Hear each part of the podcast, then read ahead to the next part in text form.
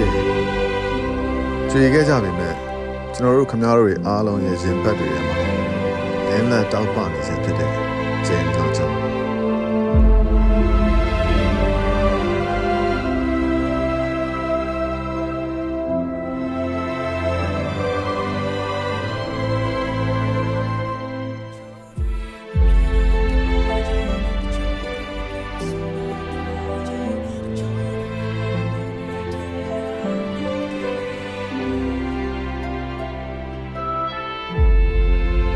တို့ပန်းနိုင်ကိုမြင်ရဖို့လမ်းပြပြီးတဲ့ကြည်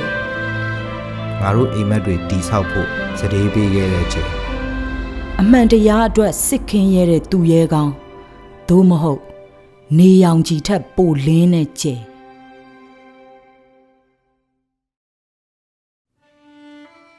အချိန်ဟာခဏငယ်တာဖြစ်ပေမဲ့ကျဲရီကျွေသွားတာ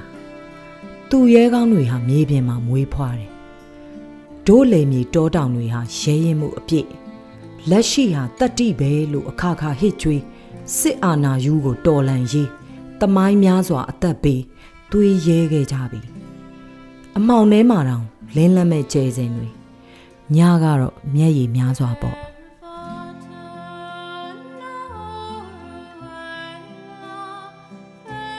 2021ခုနှစ်ဖေဖော်ဝါရီလ20ရက်နေ့မှာ စစ်အာဏာရှင်ကိုစန့်ကျင်တော်လှန်ရင်းအကြမ်းဖက်စစ်တပ်လက်ပါစီစစ်မိတ်ဆာတွေဟာလူတို့ကိုတပ်ဖြတ်ဖို့ချိန်ရွယ်ပြစ်ခတ်ခဲ့တာကြောင့်ကြွေလွင့်ကြဆုံးသွားခဲ့ရတဲ့ပြည်သူတော်လှန်ရေးသူရဲကောင်း၄ဦးရှိခဲ့ပါတယ်။ရန်ကုန်မြို့ကကိုတင်ထွတ်ဟိန်းမန္တလေးမြို့ကကိုကြည်စိုးကိုမင်းမင်းခတက်နိုင်ဝင်းနဲ့ထိုနေ့အတွက်အငယ်ဆုံးသောတော်လန်လူငယ်မောင်ဝေရန်ထွန်းတို့ပါပဲ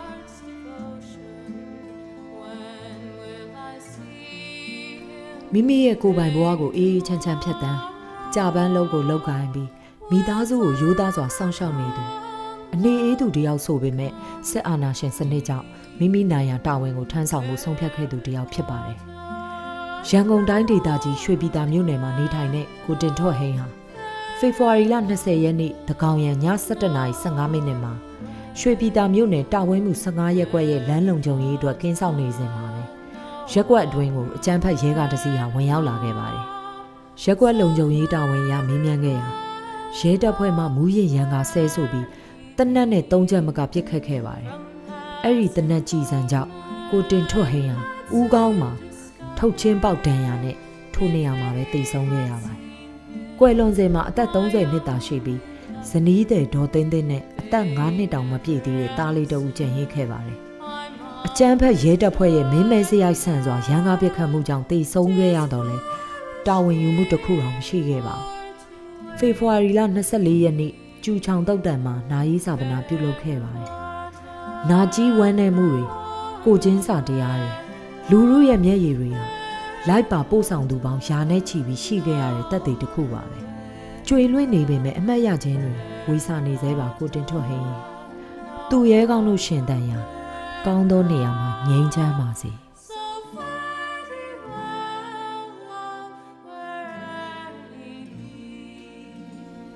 ကျမတို့ချစ်ရသောမန္တလေးလွမ်းရတဲ့မန္တလေးခမ်းနားတဲ့မန္တလေးမှာသွေးမြေကြများခဲ့ရတဲ့နေ့တနိုင်ငံလုံးဝမ်းနဲ့မျက်ရည်မကြတဲ့နေ့မရှိခဲ့တယ်လို့ပူကြခဲ့ရတဲ့နေ့ပါပဲ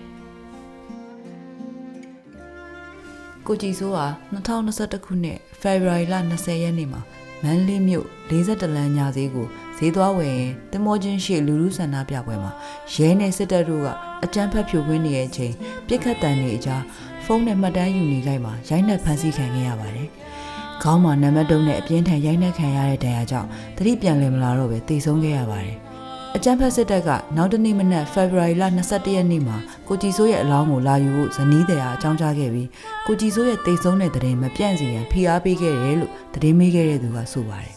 ။ဇာပနာကိုဖေဖော်ဝါရီလ22ရက်နေ့နနက်8နာရီမှာကျင်းပခဲ့ပြီးကွယ်လွန်ချိန်မှာအသက်38နှစ်သာရှိပါသေးတယ်။မန်းလေးမြို့မြရည်နန္ဒအိမ်ယာမှာဇနီးတဲ့တားဖြစ်သူတွေနဲ့နေထိုင်ခဲ့ပါတယ်။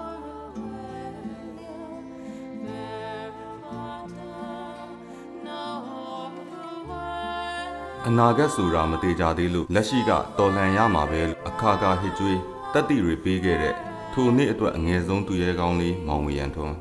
ဖေဖော်ဝါရီလ20ရက်နေ့မန္တလေးကန္နာလန်အကြမ်းမဖက်အာဏာဖီဆန်ရေးဖြစ်စဉ်မှာဦးကောင်းကိုတနက်မှန်ပြီးကြာဆုံးခဲ့ရတဲ့မောင်ဝေရန်ထွန်းအသက်16နှစ်တာရှိသေးတဲ့မောင်ဝေရန်ထွန်းကမန္တလေးမြို့မှာမွေးစားအမေနဲ့အတူနေထိုင်ရင်း42လမ်းဈေးမှာတွန်းလှဲဆွဲကုန်စိမ်းထမ်းတဲ့အလုပ်ကိုလုပ်ကိုင်နေသူပါ ဇာတိဖြစ်တဲ့မြင့်ငယ်မျိုးမှာမိဘအရင်းတွေနဲ့အတူမနေပဲပိုက်ဆံရှာဖို့မန္တလေးမှာနေထိုင်ပြီးအလုပ်လုပ်နေတာလို့သိရပါတယ်။မောင်ဝေရန်ထွန်းကရတဲ့ပိုက်ဆံတဲကနေမှမိဘတွေကိုထောက်ပံ့နေတဲ့သူတူဖြစ်ပါတယ်။မောင်နှမ၄ယောက်ရှိပြီးသူကဒုတိယမြောက်သားဖြစ်ပါတယ်။လိမ္မာရေးကြားရှိပြီးပေါင်းတင်ဆက်ဆံရေးပြည့်ပြည့်လို့ဈေးတူဈေးသားများအားလုံးကချစ်ခင်တန်ရောစဉ်ရှိကြပါတယ်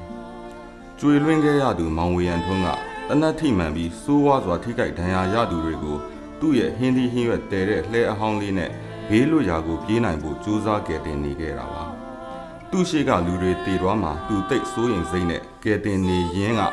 သူ့ရဲ့ဦးခေါင်းကိုကြည်စံထိမှန်ကတေဆုံးသွားခဲ့ရပါတယ်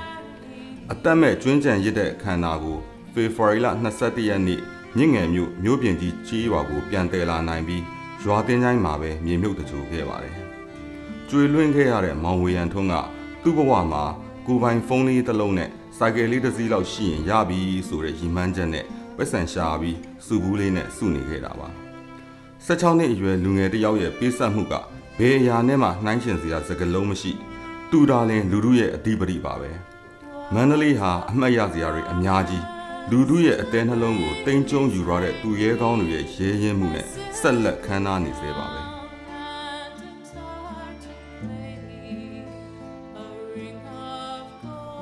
စစ်အာဏာရှင်လက်ပါစီအကြမ်းဖက်တပ်၏ဖြိုခွင်းမှုကြောင့်ထပ်မံကျွေလွှင်းခဲ့ရတဲ့နောက်ထပ်ကျဲတဝင်းကတော့